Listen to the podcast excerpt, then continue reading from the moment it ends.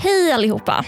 Jag har sett en Tinder-profil som skrev “Jag vill inte ha någon tjej med diagnostrams”. Många fördomar om att personer med rullstol inte kan ligga. Otillgängliga datingappar och många med autism som har svårt med sociala koder naturligt, som så gärna vill dejta, flörta och behålla relationer, men kan ha svårt för det. Jag har länge haft svårt för att förstå sociala koder och har blivit frustrerad varje gång jag fått höra “det är så självklart”. Så har andra kommenterat när jag inte förstått ett socialt sammanhang. I grundskolan har jag svårt att skaffa vänner, hade en social fobi flera år och varit orolig att inte kunna dejta. Jag var trött på det här och ville förbättra min sociala förmåga. Så jag fick Henrik Fexeus bok Fingertoppskänsla. Först tänkte jag, vad är det här? Och sen blev jag förälskad i den. Äntligen fick jag praktiska, konkreta strategier på sociala situationer. Jag fick flera och nej-upplevelser då jag ser hur mycket fel jag har gjort samtidigt som jag blev helt uppslukad av boken. För er som inte har läst Fingertoppskänsla så handlar boken om hur du utvecklar din sociala kompetens på ett väldigt tydligt sätt. Den boken och Henrik Fexeus bok Alla får ligga som ger dig 170 tips på hur du kan bli bättre på att flörta och bli bättre på olika sammanhang. Båda har varit sociala handböcker för mig som jag fortfarande kan vända mig till. Det gör flörting mer roligare och alla har rätt till ett fungerande datingliv. Och Henry Fexeus, mästaren i icke-verbal kommunikation och social kompetens, är här för att lära oss mer om det. Så varmt välkommen tillbaka till podcasten Inte min svaghet, Henrik Fexeus. Tack så jättemycket. ja, så kul att ha dig här Henrik. Ja, vilket intro. Jag, jag, tror att du är den första vad jag vet som har använt fingertoppskänsla som en datingbok. Det, det, brukar vara tvärtom. Folk läser Alla får ligga och säger den här går ju att använda i andra sammanhang också. Men du mm. vände på det. Det tycker ah, jag är väldigt intelligent. Du menar så. Ja.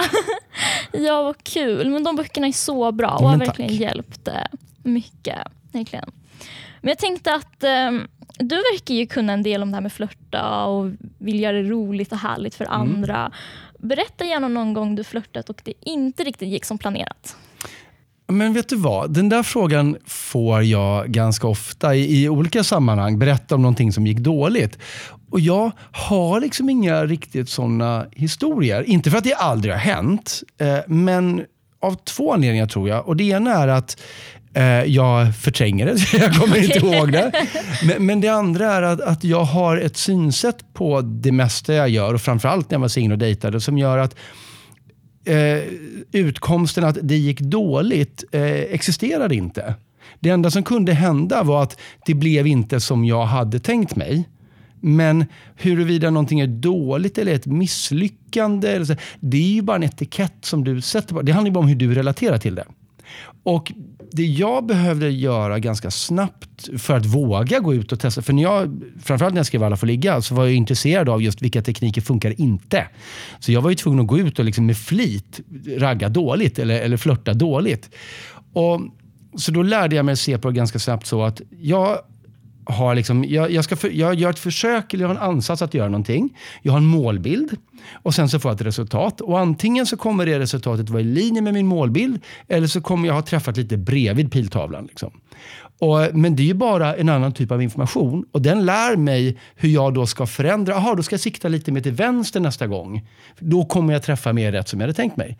Så det innebär att då, och då försvann liksom allt det här med, med att och nu blev det genant eller nu blev det dåligt. Utan det blev bara information. Jaha, det blev så.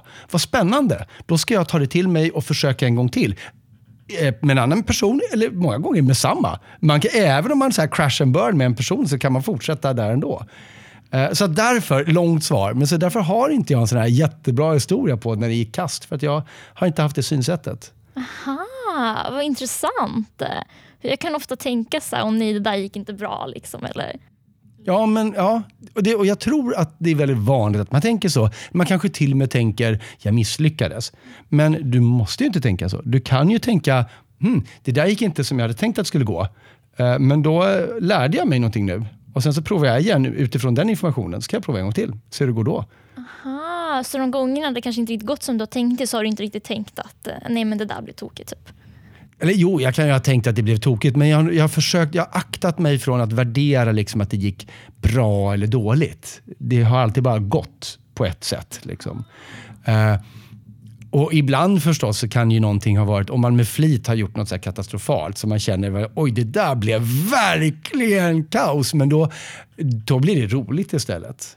Eftersom, som vi pratade om lite innan vi började spela in, det är ju viktigare det blir för dig att den där personen tycker om dig, ju mer som står på spel, desto läskigare blir allting. Men när de sakerna inte är riktigt lika viktiga längre, då kan man ju bara skratta åt ett misslyckande. Och eh, en sak jag lärde mig var att, att om jag hade gjort någonting som var verkligen så fruktansvärt katastrofalt dåligt, att ta med den andra personen, den jag hade försökt flörta med, in i det skämtet och skratta åt det. För att om man visar att bara, shit, det där var ju så kasta mig. Liksom. Jag ber om ursäkt. Jag, jag, det var förmodligen det sämsta försök du har hört till att flirta med dig. Eh, vet, du vad? Jag, jag, jag vänder mig om och så börjar jag om. Eller bara vad som helst. För då blir det en rolig grej eh, oss emellan. Och vips har det här som var dåligt och pinsamt förvandlats till någonting som potentiellt sett kan kitta ihop er lite grann och göra att ni har en ganska bra, en bra relation redan från start. Om man kan bjuda på det. Om man kan bjuda på det. Sen är inte alla som är mottagliga för det. Mm. Men det får ju stå för dem. Ja, men vad intressant. Jag har verkligen inte tänkt på det så när det blivit så jobbigt och man bara åh, ta sig undan. Men vad kul, har det funkat bra då? Ja, det har funkat bra. Men framför allt, och det är kanske det viktigaste, så har det varit mycket, mycket skönare för mig. Eh, när jag går därifrån. För då behöver inte jag, då har jag inte skämts eller känt att jag kan aldrig gå till det här stället igen eller vad det är. Utan utan då fick vi skratta någonting och om, om hon tyckte det var lika roligt som jag, det spelar inte stor roll. Men jag är, jag är förbi med de där känslorna. Och de allra flesta människor, det, det, så här är det. Att, och det, och det här är också någonting som jag använder när jag står på scen som mentalist och tankeläsare. Då gör jag allt jag gör bygger på att jag tar upp folk från publiken och så försöker jag göra konstiga grejer med dem. Och eftersom den enda regeln som finns är att ingenting är uppgjort i förväg. Och för att folk ska kunna förstå det så slumpas det upp vem som kommer upp på scenen. Det innebär att jag ibland får upp människor som jag inte riktigt vet hur jag ska hantera. De kan vara för fulla eller för nervösa eller vad det nu är. Det innebär att varje gång jag går ut på scen, jag kommer tillbaka till flörten, jag lovar. Eh, varje gång jag går ut på scen så vet jag att någonting ikväll kommer inte alls gå som jag har tänkt mig. Något av de här numren kommer misslyckas katastrofalt. Jag vet inte vilket. Och när det väl händer, om jag då blir ställd och tycker att det är jobbigt, då tycker hela publiken att det är svinjobbigt. Men om jag visar att jag kan skratta åt det, skaka av med det och bara gå vidare, då är det ingen som bryr sig. För att det viktiga är inte vad som hände, det viktiga är huruvida jag visar att jag fortfarande har kontroll över det. Och om du inom citattecken gör bort dig, för jag tycker inte man kan göra det, men, men gör någonting eh, som blev fel i en flörtsituation och visar att du ändå har sinnesnärvaro nog att fortsätta ha kontroll över situationen. Det vill säga du skrattar åt det, du erkänner det och går vidare. Då blir du en person som höjer dig över majoriteten av alla andra. Vi gillar, människor som, vi gillar människor som får oss att bli glada och vi gillar också människor som visar att de är trygga i sig och har kontroll över sin situation. För då behöver inte vi vara nervösa över att de ska hitta på någonting knasigt. Vad spännande, för jag tänker liksom på personer som man ska gå på liksom första dejten, någonting så jätteorolig över liksom någonting ska hända. Ja. Men om man istället bara tänker, nej men om man bara skrattar bort det värsta som kan hända, det är då... Och man kan till och med säga det. Alltså, eh, nu är det så här, de första 15 minuterna på vår dejt kommer jag vara sjukt awkward. För jag är så nojig över att något ska gå fel. Eh, men det kommer släppa efter ett tag och sen så kommer jag bli ganska skön. Alltså, om man kan bjuda på det, då är, det, då är allting okej. Okay. Ja, spännande. Ja, tack för tipset Henrik. Och en annan sak jag tänker på det är ju det här med, med till personer med autism som inte riktigt kan läsa av om den andra är intresserad av vad man pratar om. Mm. Och Jag tänkte på men till exempel om man har ett specialintresse. Eh, som man kan prata om väldigt ja, mycket. Ja, jo, det, vi har ju alla varit där. och inte riktigt vet så här bara, ja, om den är intresserad eller om det är vid fel tillfälle. Jag har varit där många gånger. Vad brukar du prata om då? Eh, jag har specialintresse för datingpsykologi. Jaha. Ja. Det är ju intressant att prata om i ett flörtsammanhang. Ja. det är ju skitbra faktiskt. Ja, ja, ja. min pojkvän har fått flera föreläsningar av mig. Um, och ibland kan jag vara den mest engagerade i samtalet. och så. Men hur kan man tolka när någon annan är ointresserad av samtalet? Okej, okay, ja, men det finns några tecken på det. Eh, till att börja med så kan man ju se var den andra personen har, eh, har sin blick. Om man, för att jag, jag vet att människor som befinner sig på autismspektrat tycker att det med ögonkontakt är väldigt jobbigt. Men ögonkontakt är viktigt för att stämma av kommunikation. Om du pratar med någon som aldrig tittar på dig och du misstänker att den här personen inte befinner sig på autismspektrat, då, då, är det en signal att den här personen tänker på någonting annat. Speciellt om du ser att de börjar titta på andra saker i rummet eller se över din axel. Um, men man kan också kolla på övriga kroppen. Därför att när vi, vissa människor liksom, de tänker ganska mycket på sitt kroppsspråk. Men ju längre bort från ansiktet det kommer, desto mindre tänker vi på det. Och det vi tänker minst av allt på är fötterna. Och när vi börjar känna att, att eh, nu vill jag vara någon annanstans, då börjar vi fysiologiskt förbereda oss för att förflytta oss. Och en av de första grejer vi gör då är att vi vinklar ut fötterna. Vi kanske till och med lägger över tyngdpunkten lite.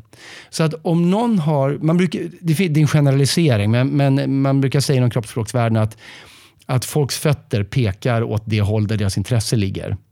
Nu är det inte så att vi alltid står rakt mitt emot varandra för det blir väldigt, eh, väldigt, väldigt personligt. Men, men om någon liksom börjar vara väldigt utåt, kanske till och med lägga över tyngdpunkten, då är de på väg därifrån. Och det är till och med så att de har börjat tänka på andra saker. Och Där kan man hamna även om det du säger är intressant. Men det kanske också är så att de har någonting viktigt de måste gå och göra. Alltså det behöver inte ha med dig att göra. Och Det man behöver göra då det är att avsluta ganska snabbt. Och Är det så att det är någonting vi behöver prata klart om vid ett senare tillfälle, då får man göra det sen. Liksom. För där, där är det över.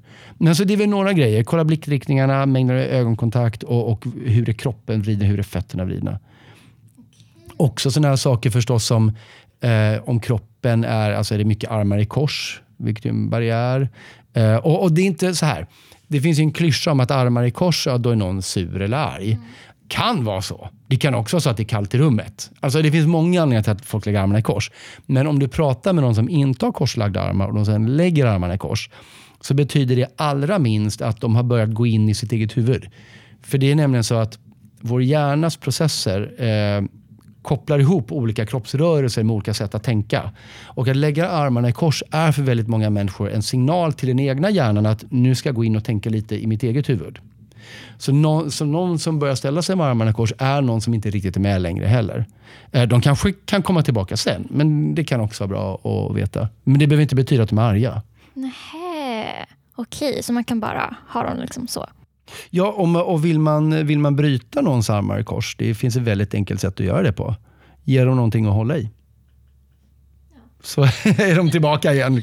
Ja. Men och i övrigt kan man säga så att ju mer vänd någon är mot dig, ju mer någon har samma kroppsposition eller hållning som du har, desto mer samhörighet med dem känner de, eller förlåt, med dig känner de. Eh, så det är också en så här, bara, hur, hur lika känns vi? Ungefär samma energi i kroppen. Har vi ungefär samma vridning med kroppen? Eh, ju mer lika vi är alla de aspekterna, desto mer eh, personligt är vårt samtal. Menar du då att man ska spegla den andra personens kroppsspråk? Ja, men det kan man ju göra för att få dem på sin sida. Men man kan ju också vara observant på hur den andra personen automatiskt speglar eller inte ens eget. Just när man vill bedöma intressenivå. Men det är ju förstås, som du är inne på, ett sätt att själv bli lite mer intressant eller enkel att ha en relation med. Att man, att man påminner om den andra i kroppsspråket. Okej. Men jag tänker att om man typ ser att den andra liksom vänder bort blicken eller fötterna men inte riktigt förstår, kan man då fråga, ska du iväg någonstans? Nej, det tycker jag inte man ska göra. Därför det kan vara så att de medvetet inte har börjat tänka på det ännu.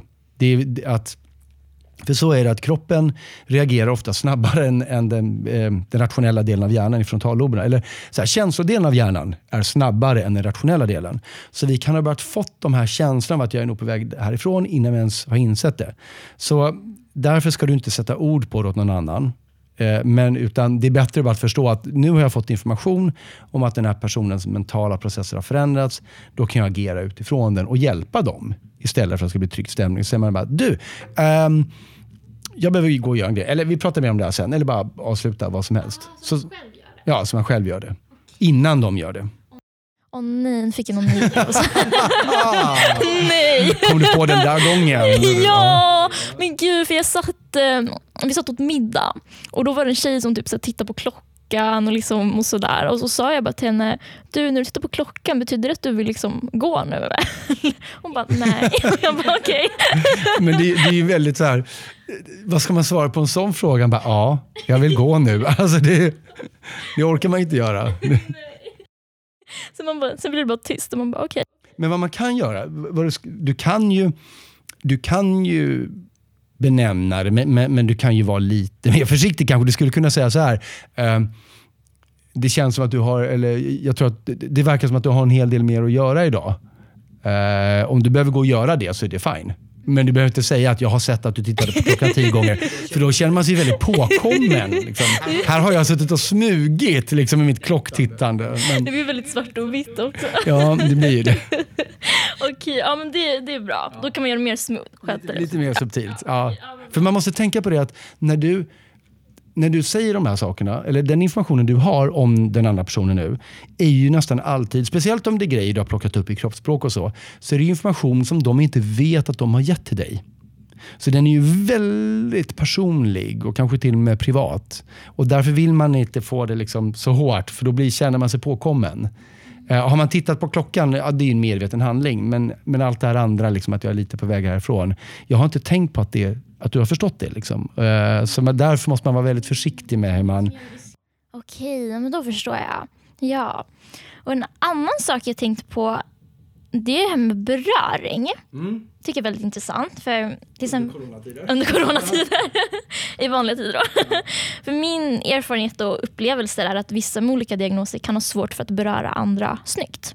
Ja, och också att ta emot beröring. Det kan göra ont. Alltså om man är väldigt taktilt känslig liksom, så kan man reagera på det på ett sätt som, eh, som inte alla gör. Nej, verkligen. Och till, om jag nämner ett exempel så var det en gång jag träffade en kille som jag var intresserad av. Och eh, det var väldigt pinsamt för jag rörde honom ja, men typ två timmar utan att få beröring tillbaka. Och fattade ingenting. Liksom. Och sen så pratade jag med vänner och bara åh, han är så intresserad. Liksom. sa du det eller ja, sa de det? Jag sa Nej, det. det. ja, utan att man fattar någonting. Och Det här var innan jag läste din bok Alla får ligga och förstod att man ska ta varje steg på intimitetsstegen tillsammans. Ja. Um, så jag tänker för många med som har svårt för det här och det här är ett av mina exempel på hur, ja, men hur det kan gå till. Um, så jag är så nyfiken på vad är dina största råd till oss som har svårt med, med sociala koder och vill bli bättre på att beröra andra snyggt? Mm. Uh, det är några grejer där, just vad gäller sociala koder. Alltså, här, hela anledningen till att jag blev intresserad av det här själv var ju för att jag inte fattade de sociala koderna. Jag hade ju ingen koll. Och när jag var eh, yngre så eh, fanns inte den typen av diagnoser. Men hade det funnits så hade jag absolut hamnat liksom på autismspektrat. Jag har alla mina barn där. Och liksom, ja. Ja, eller, eller, om jag ska vara riktigt noga så har jag då en med en Asperger-diagnos, en med en ADHD, ADD-diagnos och en med en ADHD-Asperger-kombo. Så att det, är, och det, är så här, det är inte min fru de har fått ifrån. Så kan jag ju säga. Um, men, men, så att jag behövde ju lära mig själv. Och Varför jag säger det är bara för att, att jag vill verkligen slå ett slag för det. Att det går att lära sig. Och de som är naturliga proffs på det här, de tänker ju inte på att de gör det. Det bara finns där. Men man kan lära sig de här sakerna med flit till den nivån att man slipper tänka på det själv också. Det är inte så att man för evigt måste gå omkring och tänka på att oh, nu ser jag den där skuggan, eh, den där triangelskuggan vid ögonlocket, nu är hon ledsen. Eh, det kan vara bra att påminna sig om det ibland, men man kan träna in det så att det blir ett automatiserat beteende. Eh, bero, beroende på, allas, allas förutsättningar är olika naturligtvis, men, men, det är, men, men steg ett tycker jag att man behöver lära sig och då finns det ju som tur är lite bra handböcker i. Nej, men, min, min, första bok som jag skrev, Konsten läsa tankar, den är väldigt så. Det är så här, hundratals bilder på bara så här närbilder på ögon och ansiktsuttryck. Bara en ög det här ögonbrynet betyder den här känslan. Liksom. Då får man bara lära sig det, vilket det var jag gjorde. Eh, men, sen har vi då det här med beröring. Och Det första är väl att man behöver en förståelse för att vi människor har ett inprogrammerat behov av, av beröring. Vad det gör är fysisk beröring. Vad det gör hos de allra, allra flesta är att det fungerar som en blockerare till stresshormonet kortisol. Väldigt enkelt uttryckt. Det är därför som eh, de flesta blir lugn av en kram. Man blir bokstavligt talat liksom, så stressar man av. Och Det här märktes väldigt radikalt efter andra världskriget när det var en massa spädbarn som dog, trots att de hade allting jättebra. De var på barnhem och man insåg att nej, de får ingen fysisk beröring. Så deras hormonnivåer blev helt oreglerade. Så beröring har liksom en rent fysiologisk reaktion hos oss och det är därför vi liksom mår bra av den. Eh, när det sker på rätt sätt då förstås. Eh, Och, så att jag förespråkar att vi ska ta i varandra mer. Och i dejtingsammanhang så är det ju så att förr eller senare vill man ju över den där bryggan. Man vill ju hångla. Va? Och, och, då blir det, det blir väldigt svårt om man går från att vi har varit på två meters avstånd några månader och nu vill jag Det går inte. Nej. Så att vad man behöver göra för att komma dit naturligt, det är att man behöver vänja den andra människan med att vi har en relation där vi rör vid varandra. Och vanlig social beröring, eh, inte bara kan utan måste ske väldigt eh, eh, vad är ordet? Alltså det, det, får inte vara laddat på något sätt, för då blir det fel. Eh, men, men, det finns områden på kroppen där man kan ta i människor, eller ta på människor, utan att det känns eh, jobbigt. Eh, och Sättet man gör det på är att dels att beröringen ska vara ganska snabb och flyktig. Eh, så att det inte känns som att man tar tag i någon. Liksom, utan Eh, Eh, och Det är till exempel axeln, eh, överarmen eller baksidan, baksidan av överarmen. Sådana områden är ganska skyddade. Och Det kan ju vara bara att man vill eh, jag brukar också ge rådet att om man leder personens uppmärksamhet till någonting annat. Så att jag vill visa dig någonting som händer där borta. Då pekar jag på det med vänster hand. Jag tittar ditåt. Eh, men jag tar samtidigt på din högra överarm. Lite för att så här, rikta dig åt. Har du sett där? Och då tänker inte du ens på att jag rör vid dig, utan, utan för du har ditt fokus på vad jag tittar på. Det som händer där borta. Så på så sätt, genom att om man ändå vill styra den andra personens uppmärksamhet eller oakta, gå inte där eller vad det än är. Sådana tillfällen är perfekta att röra vid människor. Tillfällen som är ännu bättre att röra vid människor på, det är om de är väldigt glada och skrattar åt någonting. Därför att eh, det som händer med ditt humör internt, när du mår bra eller mår dåligt, kommer du att associera ihop med saker som händer med dig externt, rent fysiskt. Vi länkar liksom yttre minnesupplevelser med våra känsloupplevelser. Det är därför du kan se någon som har en röd tröja på sig och plötsligt blir skitförbannad. Och så kommer du på att det där är ju samma tröja som ditt dumma ex hade. För den bilden av den tröjan väcker den här känslan. Är du med så långt? Ja. Och Det innebär att om du rör vid människor när de skrattar, vilket också är ett så perfekt tillfälle att ta någon på axeln eller någonting när man skrattar tillsammans. Man lutar sig lite fram, man rör någon på armen. Då innebär det att de omedvetet kommer koppla ihop eh, känslan eller minnet av, att, av din beröring med att vara glad.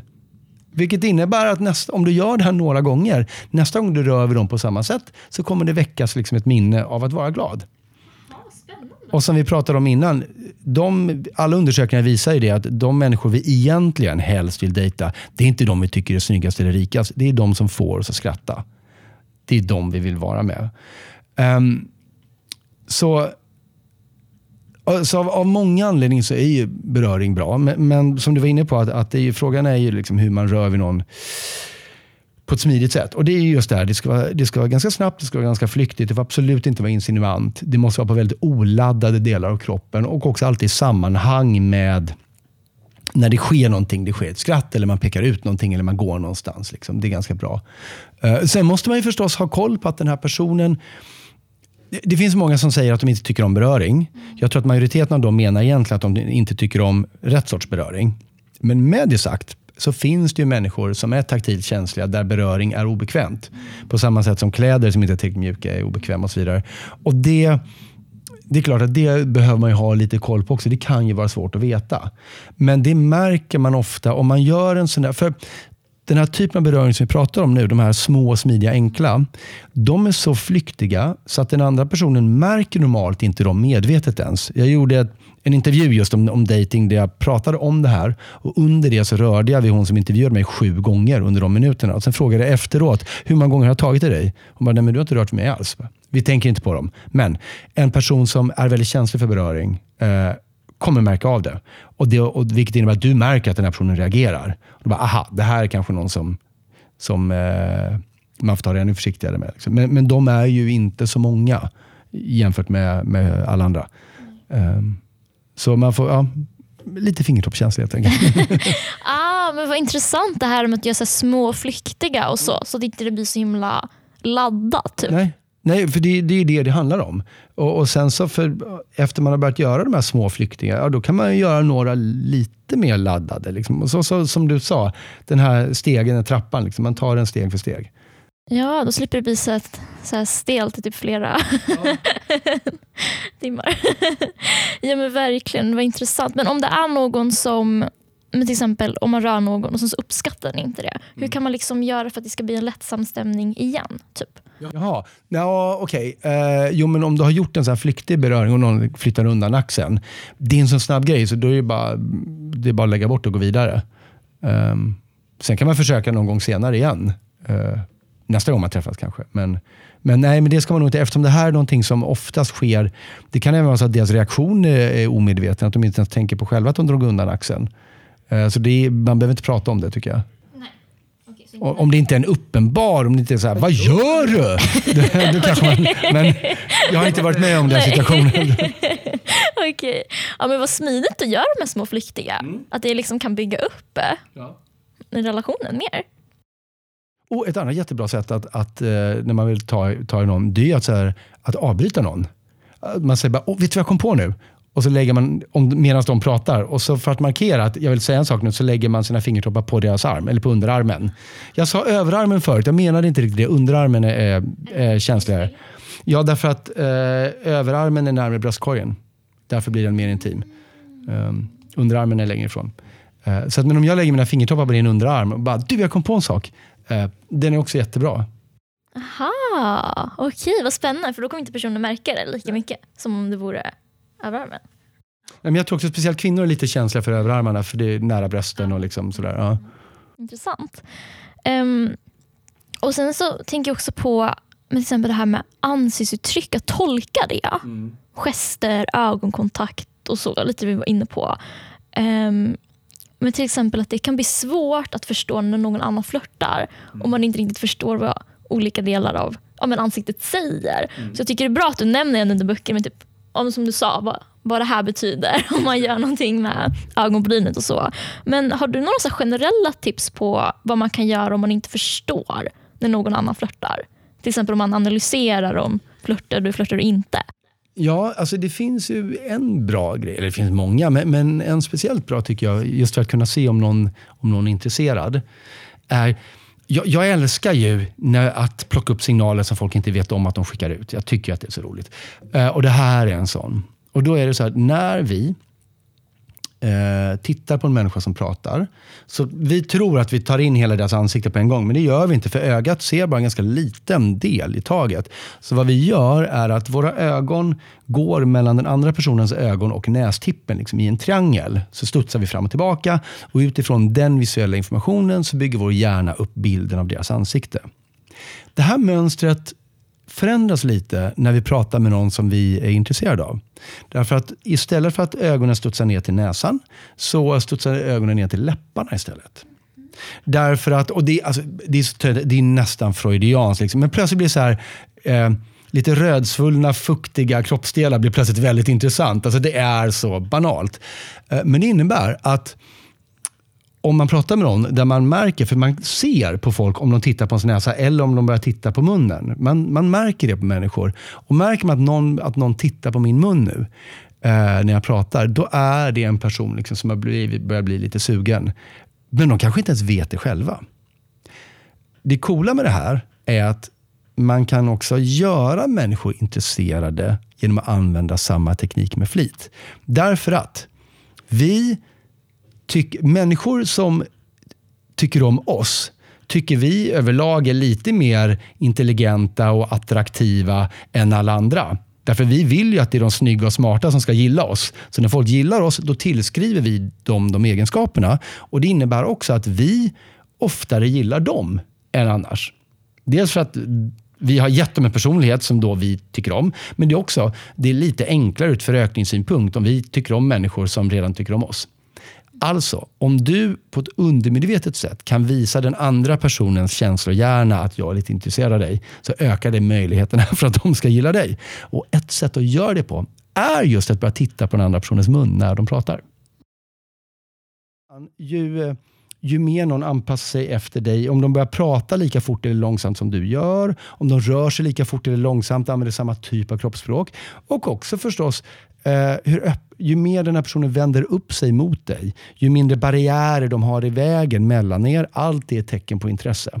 Och då är det kroppsrörelse kanske lite lättare att fånga upp än en liten ögonförflyttning. Eh, men, men det är också, eh, och speciellt om man håller saker emellan.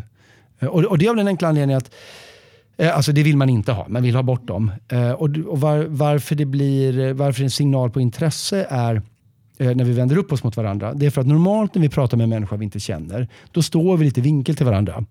Eh, och Det är för att på, på, sidan har man ganska låg träffyta om det skulle komma någon och attackera en. Framifrån är vi väldigt känsliga, vi är väldigt sårbara framifrån. Så att ställa sig liksom mitt emot någon, det blir en väldigt sårbar, det blir nästan liksom att det kan kännas för intimt ibland att bara ställa sig mitt emot någon. Så när någon börjar vrida, sig upp, vrida upp sig mot dig, då betyder det att de litar väldigt mycket på dig och de vill också signalera att jag vågar göra mig sårbar inför dig. Och Det i sig är ofta en signal på intresse. Liksom. Jag, jag litar på att, vi, att, att, att, du inte gör mig illa, liksom, att du tar hand om mig.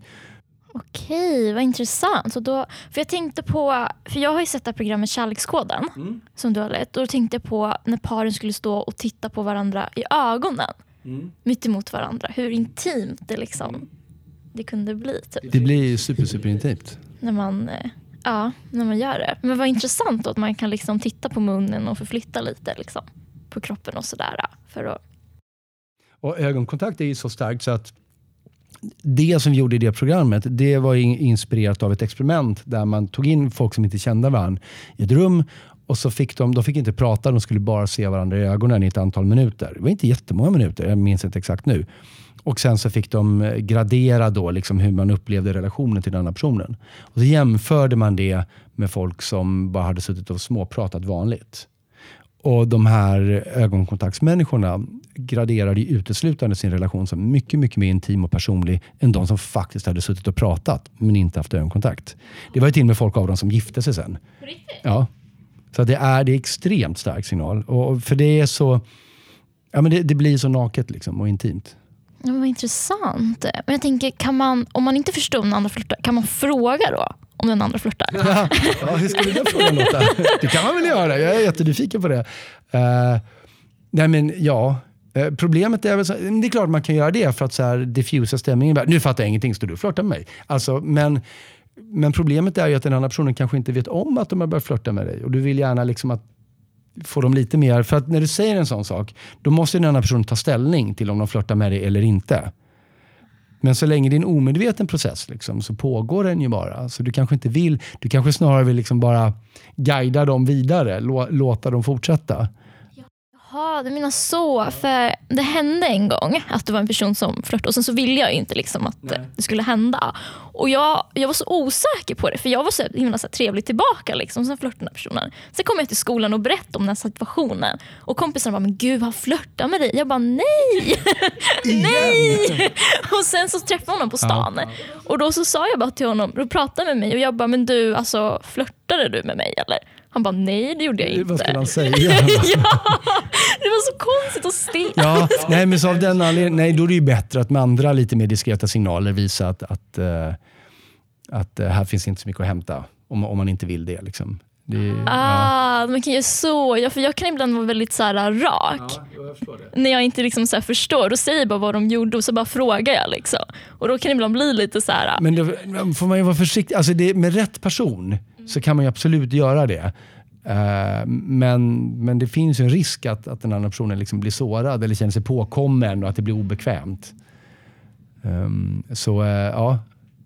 Så då kanske det inte är så bra att fråga rakt ut? Nej, nej inte, så här, om det är någon man känner väl så kan man nog göra det. men men, men, men uh, ja, jag, jag vet inte. Så här, det, det, det, skulle säkert gå, men, men jag skulle nog tipsa om att kanske inte göra det. Men däremot menar jag ju inte att man då måste liksom låta den här personen fortsätta flörta om man inte vill det. Men då finns det ju andra sätt att liksom... Och, och det är egentligen att göra tvärtom mot allt som vi har pratat om hittills. Att liksom stänga ditt kroppsspråk lite, vrida dig lite utåt. Göra liksom tvärtom-signalerna. Då försvinner det här flörtandet ganska snabbt. Om det, om det inte är någon som liksom är alldeles tokdesperat. Liksom. Då får man väl säga åt dem. Men, för det är ju så att allt vi pratar om nu, som i hur man skapar attraktion, genom att göra tvärtom så skapar vi icke-attraktion. Och, och, det, är, ehm, det är väldigt få människor som kommer fortsätta flörta liksom, när man ger dem de signalerna. Och det fina är att fortfarande så sker mycket av det här spelet utan att den andra vet om Att det blev liksom, ah, nu försökte jag men det blev inget. Utan det är bara, det är en del av den ordlösa kommunikationen. Okej, vad intressant att man då kan använda de signalerna liksom, för att visa att, att det inte finns någonting här. Typ. Ja. Och på tal om attraktion. En sak jag tänker på då när du nämner det är att det är så många som har men, olika diagnoser som eller också fysiska funktionsvariationer men som kan känna att när de ska liksom på första träff med någon att de inte vill berätta om det. Mm. För det känns inte riktigt så här, nej men gud, om jag berättar att jag har en, till exempel en CP-skada eller att jag har den här autismen, att det inte känns liksom så attraktivt. Mm. Typ. Har du något tips som skulle vilja ge, och det behöver inte vara just en diagnos, det kan vara om man har någonting som, man, som påverkar en. Typ. Ja. Har du tips på hur man kan berätta om det på ett sätt som man fortfarande framhålls som attraktiv? tycker jag väl att man ska berätta just för att slippa få det här liksom, att det blir en överraskning sen. Uh, för då kan den andra känna, men varför sa du inte det här? Uh, och så blir det dålig stämning då. Ja, och nu när du nämner det. Det har varit så för vissa um, som jag haft konversationer med att um, det var någon som berättade till mig att när hon skulle på dejt och så berättade hon inte om sin funktionsvariation och så fick hon en utskällning sen. Typ. En utskällning till mig? Wow. Ja, men liksom bara varför berättar du inte det här för? Typ. Jag såg dig liksom och, och du berättar inte det här. Typ. Och så blir det en dålig stämning. Liksom. Jag, jag tror, utan att egentligen veta det åt det, men samtidigt så är det så här, det är också, det beror ju förstås lite på vad det är. Jag menar, har du en, har du en ADHD eller Asperger-diagnos, liksom, det kanske du inte behöver berätta. Nej. För, det, för det är ju liksom, det är ju bara så här, Eh, min personlighet är så här. Alltså vi har alla olika personligheter. Det, det skulle vara jättekonstigt, tycker jag. Eh, men, men, men, om det är någonting som är mer uppenbart. Så, och jag tror, jag vill att det ska vara så att det kanske är med det här lite grann som alla som är rädda för att komma ut med att de inte är straight. Att, att eh, resten av världen bryr sig inte alls lika mycket som de själva. Att, att det blir så stort kanske för en själv. Um, så det kanske inte är så farligt att berätta som man tror. Men oh, vet inte om det finns någon bra strategi för det. Men jag tänker så att om, om, om den andra personen tycker liksom att det här, det här kan jag inte liksom ta mig över, då är det fel person ändå. Ja. ja. Jo men verkligen, speciellt när man får utskällning. Ja, ja, Då är det väldigt idiot. ja, Sa men... du inte att du satt i rullstol? alltså, det är fan, men det är fan vidrigt. Alltså för att det var en bekant som berättade till mig liksom, att hans dotter skulle träffa en kille, skrivit med honom på Tinder, klickar jättebra, en snygga, charmiga killen. Så står han där på tågstationen, men vart är han någonstans? För han tog bara halvkroppsbild på Tinder. Sen han i rullstol. Hej hej, varför berättar du inte sitter i rullstol för? Ja. Men vad svarar han då? Vet du det? För det hade ju varit Nej. jätteintressant att veta. Liksom jag bara... har ingen aning om vad Sverige vet bara att hon stack sen. Ja. För jag tänker om han var på Tinder, då kanske, kanske fanns en anledning till att han inte skrev det. Liksom. Att det faktiskt är så krasst att det inte funkar så bra på Tinder. Jag, jag har ingen aning verkligen. Eller så var det hans första försök. Men, men... Det där är verkligen svårt. Men som du sa, om man har typ så ADHD eller autism och sådär. Då behöver man ju liksom inte berätta. Det är ju jättekonstigt. ja, men, ja, bara så du vet så har jag. bara så du vet så finns det de här bokstäverna som beskriver min personlighet. Liksom. Nej, jag tycker inte det. Men vad tycker du om det med självdistans då? Men till exempel om man liksom kan så här, skämta första gången man ska prata om sin diagnos. Eh, om du tycker att det är bättre än att liksom säga jag har den här diagnosen. Det innebär att jag kan vara si och så, bete mig si och så. Absolut. Uh, jo, men skämdistans är bra. Uh, skriptade skämt kanske inte är så bra. Jag tror så här. Så här tror jag. Nu har jag bestämt mig. Om man kan odla en personlighet där man har ett distanserat och liksom hyfsat sunt, om, om jag får använda det ordet, förhållningssätt till sin egen situation. Då kommer det lysa igenom i hur du kommunicerar om dig och om allt i övrigt. Så du behöv, då behöver man inte fokusera på om du ska hitta på ett skämt om den här diagnosen. Om man gör det så ska det vara ett sjukt jävla bra skämt. För jag tänker att det kommer vara liksom i alla delar av vem du är ändå. Liksom. Ja, men jag tänker att om du, är, om du har genuin... Så här, om din enda självdistans är det där skämtet du hittat på, då kommer det inte klä dig. Men om du är en person som har en allmän självdistans till, till det du behöver självdistans kring, eh, då kommer du inte behöva tänka på vad jag ska, hur ska jag skämta om det här. Därför att det är så du kommunicerar av natur. Du kommunicerar på ett självdistans sätt. För att du har den personligheten. Ja, men hur bygger man självdistans? Ja, men det finns ju massa sätt att bygga självdistans på. Eh, och Eh, ett sätt är ju att eh, Ja, men, för mig funkade det ganska bra. Men jag, jag hittade ett citat någon gång när någon sa att, att eh, livet handlar inte om dig. Jag bara, nej det gör det ju faktiskt inte. Nej. Eh, för så är det vi har alla ofrånkomligen någonting som heter spotlight-effekten. lider vi av, alla människor. Spotlight-effekten är att vi lägger alldeles för... Vi, så här, vi, vi tror att eller rättare sagt, vi är ju, jag är i fokus i min egen värld. Jag är mittpunkten i min egen värld. Så är det ju. Uh, och, men det innebär tyvärr också att jag tror att andra människor tänker på mig mycket, mycket mer än vad de egentligen gör. För de går också omkring och tror att de, eller tycker att de är mittpunkten i sin egen värld. Och varför det är så här, det är inte för att vi har uppblåsta egon. Det är för att när vi låg i mammas mage, då var vi någonting som heter det oceaniska tillståndet. Vi hade inte ett jag-medvetande, vi bara var. Vi var bara en existens. Sen föddes vi. Då kom det en massa intryck som var jobbiga och läskiga. Det blev kallt och det blev mörkt. Eller mörkt var det innan. Men, men, och, ja, men så. Eh, och sen så kom liksom en, eh, separationsångesten kom i några steg. Som var, jag är inte för hela världen. Det finns saker som inte är jag. En annan jättegrej när vi är bebisar, det är när vi förstår att jag och mamma är två olika saker. Liksom. Alla de här, sen fortsätter vi i livet och liksom mer och mer förstår att jag är inte hela världen i, i små steg. Men någonstans är vi ändå lite mer världen allt runt omkring oss. Vi är huvudrollen i vår egen film. Och så är det. Uh, men om man kan förstå att det är så för alla, då blir det ganska befriande. Om man förstår att andra människor tänker inte på dig lika mycket som du tror att de gör. Uh, då, då då släpper ganska mycket. Eh, jag försöker komma på, det finns ett väldigt bra citat eh, som någon sa om det här som var att, eh, jo, det blir, nu kommer jag begå våld på det här citatet, men, men det gick ungefär ut på att, att eh, det blir mycket lättare att ta det andra tänker om dig när du inser hur lite de faktiskt gör det. För alla går omkring och tänker på sig själva. Man gjorde jätterolig, eh, det fanns en jätterolig studie där man bad studenter, som alltså var en väldigt så här identitetsskapande ålder, det var väldigt viktigt vad andra tyckte. Och så tvingade man dem att komma för sent till en lektion, så att man visste att så här, om jag kom in i rummet kommer alla vänner som har tittat på mig. Och så fick de ha på sig en t-shirt med det mest pinsamma de kunde tänka sig. Som vid det, när de gjorde det här testet, var en väldigt pinsam artist. Liksom.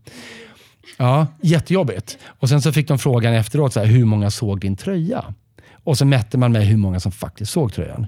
Och, och mycket riktigt, de flesta trodde liksom att alla såg att jag hade på mig den här. Jag märkt för livet. Och det var ungefär 10 procent egentligen som ens hade noterat att personen kom för sent. Man hade inte ens sett att de kom.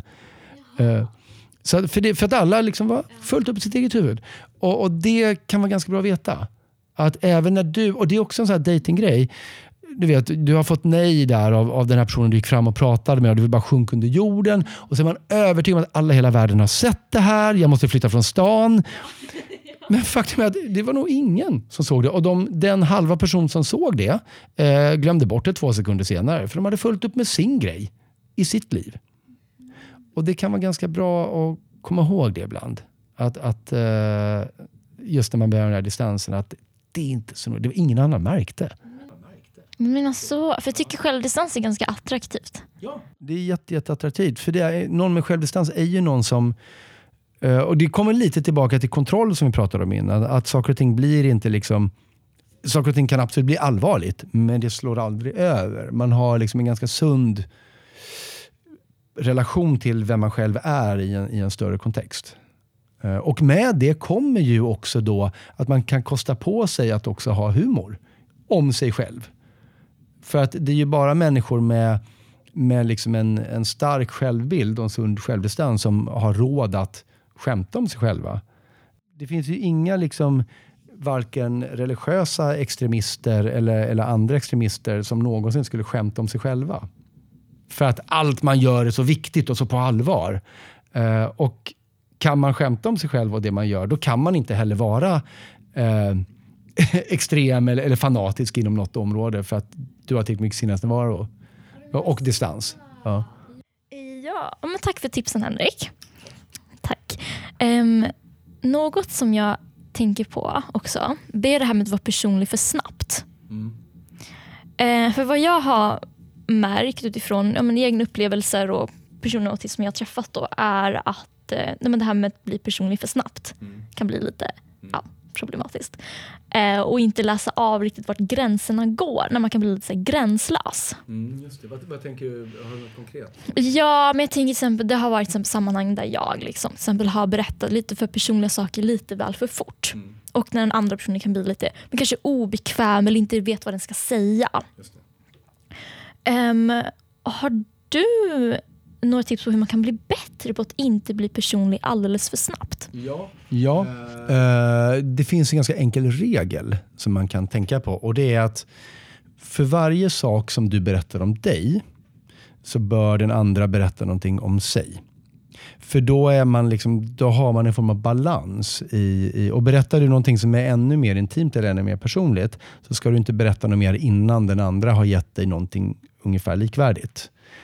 För då, då, då bibehåller vi liksom den, här, den personliga balansen samtidigt som vi lär känna varandra närmre. Och Det kan ju gå snabbt, men det viktiga är att båda delar lika mycket. För annars kan det antingen bli som du sa, att den ena blir obekväm. Oj, nu fick jag veta allting här som jag inte hade bett om. Eh, men det kan också vara så att man upplever att den ena plötsligt fått maktövertag. För jag vet jättemycket om dig nu och du vet nästan ingenting om mig. Så att det finns många problem med att en har öppnat sig och den andra inte sagt någonting. Eh, men, men det det är ju väldigt enkelt att, att bara tänka på. Jag har berättat någonting om mig nu. Nu, ska, nu kommer jag vänta på att den andra personen berättar någonting om sig. Sen får jag igen. Eh, och då kan man ju Antingen kan man ju, om man vill skynda på processen, kan man ju fråga någonting. Eller så bara biter man sig i tungan och inväntar. Så man kan ha det som en regel? Ja, och en annan bra regel eh, tycker jag är att, att tänka att för varje, för varje fråga jag svarar på om mig så ska jag ställa två frågor om den andra personen. Så man undviker det här att jag bara satt och pratade om mig hela tiden. För sanningen är att om jag, om jag tänker så att jag ska, om jag svarar på en så ställer jag två till dig, så kommer det i verkligheten bli så att det blir ungefär 50-50 ändå. Faktiskt. Eh, det är därför man ska ha lite så här övermarginal åt ena hållet. Så den är också bra. När jag svarar på en grej ska jag fråga om två. Eh, och för varje, sak, varje personlig eller privat sak jag berättat om mig så ska jag invänta en motsvarande från den andra innan jag går vidare. Det är två ganska enkla regler. De är, nästan, eh, de är mätbara. Det, det kan också vara bra att komma ihåg att även om man, hur gärna man än vill prata om sig själv och alla roliga grejer som man kommer att tänka på, så är det så att alla människor vill helst prata om sig själva. Någon sa någon gång att en konversation är egentligen bara två personer som sitter och väntar på att den andra ska hålla käften så man kan få fortsätta prata om sig själv. Och Lustigt nog så är det så att om du kan få en annan människa att prata om sig själv och bara lyssna intresserat så kommer de uppleva att du är en fantastisk konversationspartner. Du är så trevlig och rolig och spännande att prata med. För att de fick prata om det de helst tycker om att prata om, sig själva. Så att eh, man har allt att vinna på det här. Att jag, jag berättar en grej om mig, jag frågar dig om två. Därför att du kommer tycka om att berätta om två saker om dig. Men vad bra att ha en som en gyllene regel. Verkligen, det var intressant. Att då kände man att man kan liksom engagera istället för att liksom prata så mycket om sig själv och sen så blir det liksom obekvämt. Och Det jag tänker på där, när du säger det, det är lite det här med, med typ mentalitet. Alltså vilken inställning man kan ha när man träffar olika människor och så. Eh, och Det var lite som vi pratade om innan. Eh, det här med fokus på att, eh, ja, men typ att prata med snygga och intressanta människor Mm. aldrig får vara ditt fokus om du ska ragga och så. Som du skrev i boken Alla får ligga. Och jag tänker att, men till exempel när du får syn på något snygg så ehm, att du skrev i din bok att när du får syn på något snygg så ska du inte göra det till kvällens viktigaste projekt för då kommer du bry dig för mycket. Och när jag läser det så tänker jag på men unga med men till exempel autism. Ehm, utifrån det jag har hört av vissa som inte tror att de kommer få en partner. Eh, eller folk överlag som inte tror att de kommer få en partner. Och, eh, eller som tror att men typ många kommer se funktionshindret före dem. Hur kan man då göra för att inte bry sig för mycket när man hittar en snygg och intressant person? Ja, men till att börja med så behöver man ju då, där du är, där den här snygga och intressanta personen också är. Det, jag vet inte var det är någonstans, men det finns ju någon anledning till att du är där. Det är förmodligen inte, hoppas jag, för att den där snygga personen är där. Utan de råkade vara där, eller du visste att de skulle vara där. Men, men, men det var inte prio. Du är där kanske för att det är vad vet jag, du kanske går en kurs i spanska. Eller, eller du är och fikar med dina kompisar. Men så det som är den första anledningen till att du är där, det måste också vara din primära anledning. Jag är här för att ha roligt med mina kompisar. Jag är här för att lära mig spanska. Det är anledningen till att jag är här. Allt utöver det är bara en rolig bonus. Om jag, jag, det råkar vara en snygg människa här också som jag vill prata Då ska jag prova att prata med dem. Om de vill prata med mig, jättekul. Om de inte vill prata med mig, det gör ingenting för det var ändå inte därför jag var där. Men när det blir det där fokuset, liksom, att man bara, åh nej, tänk om hon eller han inte tycker om mig, nu måste jag skärpa mig. Det är då man blir den här desperata personen. Det bara osar ur porerna på en att man är nervös och desperat. Uh, och det är ingen som vill prata med en sån person. Men, men, och det här är så spännande, för när du kan ha den här inställningen att det, inte, det här är inte varför jag är här. Då lustigt nog så påverkar det också din personlighet och ditt beteende på ett sånt sätt så att den andra personen kommer mycket hellre vilja prata med dig. För du visar, utan att behöva säga det ord, så kommer det kännas på dig att, det, att din värld står inte och faller med dem. Du har en utmärkt bra värld ändå med dina kompisar där borta. Det här är bara lite extra roligt. Och, och sådana människor eh, tycker vi mycket, mycket bättre om. När vi vet att, att eh, de klarar sig utan oss. Vi älskar människor som klarar sig utan oss. Mm. Och när du säger det så tänker jag på det här med tillgänglighet. Mm som du skrev om i Alla får ligga. Att man inte ska göra sig alltför tillgänglig. Nej, och det låter ju som en så här klyscha. Liksom. Men, men det finns en sanning i det. För att någon som är 100% tillgänglig, det är den här som kommer och säger bara, Hej, vad gör du? Får jag stå här bredvid dig? Du behöver inte säga någonting, men jag kan stå här i tio minuter och bara titta på dig. Är det okej? Okay? Uh, men du vet, den här som alltid finns där. Det är aldrig dem man blir kär i. För de är ju alltid där. Det finns ingen i, vi är ju i Stockholm just nu. Hur många Stockholmsinvånare tror du på eget bevåg har åkt upp i Kaknästornet? Ingen. För det är alltid där man kan göra det. Ja, nu har de stängt det så det kan man inte. Men, men, men för man kan göra det när som helst. Och det är samma sak med det här. Det som vi kan få när vi vill, det kommer vi aldrig att ta. Men det som vi inte alltid kan få, den här personen som kommer att prata med mig just nu, men som i övrigt håller på med en annan grej. Ja, den personen är ju bara tillgänglig just nu. Då blir det mycket mer intressant. Uh, förstår du hur jag menar? Så, så det finns liksom en, en, en sanning i, i det där. Eh, sen betyder inte det att man med flit ska liksom så spela svår. Men, men, men, eh, eller det är väl mer det att det är inte så mycket att det otillgängliga blir intressant som att det väldigt tillgängliga blir ointressant.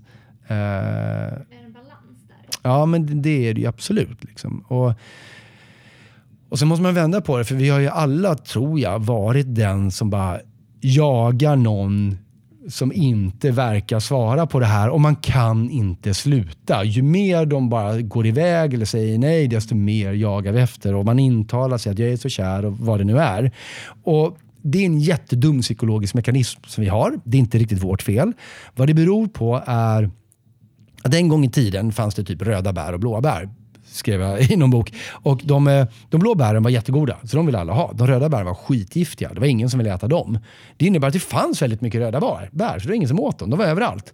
De blå bären var jättesvåra att få tag på, för alla åt ju dem. Och efter det, så liksom, efter några årtusenden av det, så fick vår hjärna liksom en genväg som sa att när, någon, när det finns lite av någonting så är det förmodligen för att det är någonting som alla andra vill ha. Alltså, om det finns lite av någonting så är det nog bra för oss. Och det blev en genväg som blev att det som det inte finns så mycket av, det som är svårt att få, det vill vi ha. Men det kommer sig egentligen av att alla åt de blå bären. Och det är därför människor som är svåra att få tag på vill vi ha. Vi tror att de är bra för oss. Uh, vi, det är därför det står limited edition på liksom eh, varenda jävla produkt. För bara, åh, oh, den är limited. Då är, det någon, och då är det två grejer som händer. Det ena är att det blir de blå bären. Det här måste vara bra. Och det andra är att vi hatar att bli av med val. Och kan jag välja någonting när som helst, om någonting alltid är tillgängligt, då är det inte så noga. Men om jag blir av med valet att välja, det vill jag inte. Och det här limited, det kan jag bara välja just nu. Ja, då måste jag välja det. Så att alla de där aspekterna spelar in när vi bara jagar den där människan. Eh, och då liksom, vi har fastnat för det här med, med att det är en limited edition och, och, att, vi inte, att vi inte får göra valet och att det är de blå bären. Och vår hjärna bara går på överstyr. Då kan man ställa sig frågan, då kan man backa lite. Och så måste man titta på sig själv och så måste man säga, ja, men, okay, vem är jag? Vad är jag bra på? Vad är mina värden? Och men jag, min, jag är faktiskt den här människan och jag tycker om mig själv på det här sättet. Okej, okay, den här människan som jag jagar, är han eller hon värd mig? Vänd på det. För vi frågar oss så mycket hela tiden. Bara, men, ja, men jag vet inte, han kommer inte tycka om mig. Jag är inte värd någon sån som han. Bara, Nej, men är han värd dig då? För du är en värdefull och stark person och det får vi inte glömma. Att vi är alla liksom, vår tid är fan guld. Ska du hålla på och jaga den här människan som han och ska komma och böna och be för att få hänga med dig? Det är så det är. Och det där behöver man ibland tänka om på tycker jag. Så man inte blir den här... För det är så lätt just att vi har de här mentala mekanismerna som vi fastnar i. Som vi inte mår bra av. Så behöver man, kan man känna på att vända på det. Bara, Nej men jag är värdefull. Är han värd mig? Kanske inte så som han håller på. Alltså det är en väldigt skön känsla att få äga det. Att få vara den som är i kontroll. Mm, och det kan man vända på genom att fråga sig själv Ja. vilka värden man har. Ja, eller så här, vad tycker, tycker jag om mig själv? Ja, men det gör jag ju. Liksom. Är jag en bra människa? Ja, men det är jag. Och då kan jag säga till alla som lyssnar på det här, tvivlar du på det där så kan jag tala om att det är du. Du är värdefull och störtskön och jävligt bra. Och andra människor ska vara glada att få vara i din närhet, vem du än är. Så är det. Vad fint sagt. Ja, men också sant. ja. Men gud, för jag har verkligen inte tänkt på det där. För Jag har ju liksom, alltså, ibland mött personer som har liksom tänkt så här, men när det inte liksom gått så bra. typ. Och tänkt, men när, man själv, när jag själv har varit i den där positionen att så här, vilja ha någon. Och liksom tänkt typ så här, men gud vad var det för fel på mig? Ja, men det blir ju det. Man tappar ju självkänslan. Eh, och jag ska säga, det här handlar ju inte om att man blåser upp sitt ego. Det är inte det det handlar om. Det handlar om att hitta den här självkänslan. Och varför man frågar vad det var för fel på mig, det är ju för att det finns ju bara en människa i hela världen du kan känna från insidan. Och det är ju dig. Allt annat kan du bara se utifrån. Vilket innebär att det blir väldigt svårt att ställa dig frågan, men vad var det för fel på honom? Man kan, men det är svårare. För du har ingen aning om hans interna processer. Men det är därför som, så här, om du går fram, för att ta ett överdrivet exempel, men säg att du går fram till en snygging du aldrig har sett. Och så försöker du prata med dem. Och så vill inte de prata med dig. Och då tänker du att bara, nej, de tyckte inte om mig. Eh, det är fel på mig. Men den här människan har upp till den här punkten levt ett helt liv där du inte fanns. Du har funnits i deras liv i tio sekunder. Att det skulle vara din närvaro som påverkade den situationen så mycket att de sa nej jämfört med något annat som har hänt i hela deras liv. Alltså det är ju ganska försumbart. Chansen är ju faktiskt mycket större att den här personen var lite på dåligt humör för att de hade ont i magen, hade fått en utskällning av sin chef samma dag eller, eller hade en partner som var på toaletten e, eller, eller stod och funderade på ett problem och bara inte var mot. Alltså, vad som helst som inte hade med dig att göra är faktiskt en mycket troligare anledning till det här nejet än att det var du. Men eftersom vi bara kan se oss inifrån så blir det så att nej men det var jag. Så man behöver inse det. Igen där med att, att livet handlar inte om det. Att alla människor går omkring och bär på en egen värld. Och det är den du konkurrerar med eller på något sätt försöker komma in i när du pratar med någon. Eh, men du har ingen aning om hur den ser ut. Eh, och då kan ju inte du ta på dig liksom att ansvaret för den personens reaktioner. Ehm, och det, det är jätteviktigt att, att eh, försöka påminna sig om det. Alltså, det handlar väldigt sällan om dig. Försöka intala, man kan säga till sig själv en gång, bara, även om man inte tror på det, så kan man försöka intala sig att det är inget fel på mig. Om någon inte vill ha mig så är det, får det stå för dem. Jag tänker inte bry mig om det, det är inget fel på mig. Och varför man ska säga det till sig själv, även om man inte tror på det, är av den här anledningen. Jättemycket av vår egen självbild, det vill säga hur, vår uppfattning om oss själva, baserar vi på hur andra behandlar oss. Om andra behandlar oss som att vi är snälla, då tror vi att vi är snälla. Och om andra behandlar oss som att vi är dumma i huvudet, då tror vi att vi är lite dumma i huvudet. Men eftersom vi inte kan känna någon annan inifrån, så betyder det att hur andra behandlar dig baserar de i sin tur på hur du agerar. Det betyder att om du agerar som om du var eh, en människa med världens bästa självbild och, som var snäll och generös, även om du inte är det, även om du är snål och elak och inte har någon självbild. Om du agerar som om du var på det andra sättet, då kommer människor behandla dig som att du är så. Och Då kommer du också efter ett tag uppleva att det är så du är. Och då också blir det genuint. Det blir en väldigt konstig loop. Det blir en fake it till you make it. Men det är så att genom att du kan liksom låtsas vara på ett sätt och därmed bli behandlad utefter det och då faktiskt också få den egna självbilden. Och om man då tänker, jaha men, ja, men hur, ska jag, hur ska jag bete mig då? Hur, hur beter sig en person som är på det sättet som jag skulle vilja vara? Det är jättelätt. Det, det är bara att titta. Man behöver inte hitta på det själv. Det är bara att titta på en person som kanske finns vad vet jag, på film, eller tv eller YouTube. Eller någonstans eh, där ute, eller i bekantskapskretsen, som är så som man skulle önska att man var själv. Och så tittar man på hur beter sig den här personen? Vad har de för kroppsspråk? Hur tittar de på folk? Vad, hur, hur låter den här människan prata? Hur mycket eller inte ler de? Och bara så här, emulera, eller använd det själv. Och så därför, även om du inte tror på det, säg till dig själv att jag är värdefull. Eh, det är inte fel på mig. Därför att då kommer andra behandla dig som att du är värdefull och att, och att, de, att det är en att vara med dig. Och det kommer bli bra.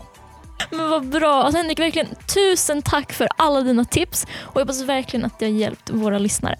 Det hoppas jag. Ja, tusen tack Henrik.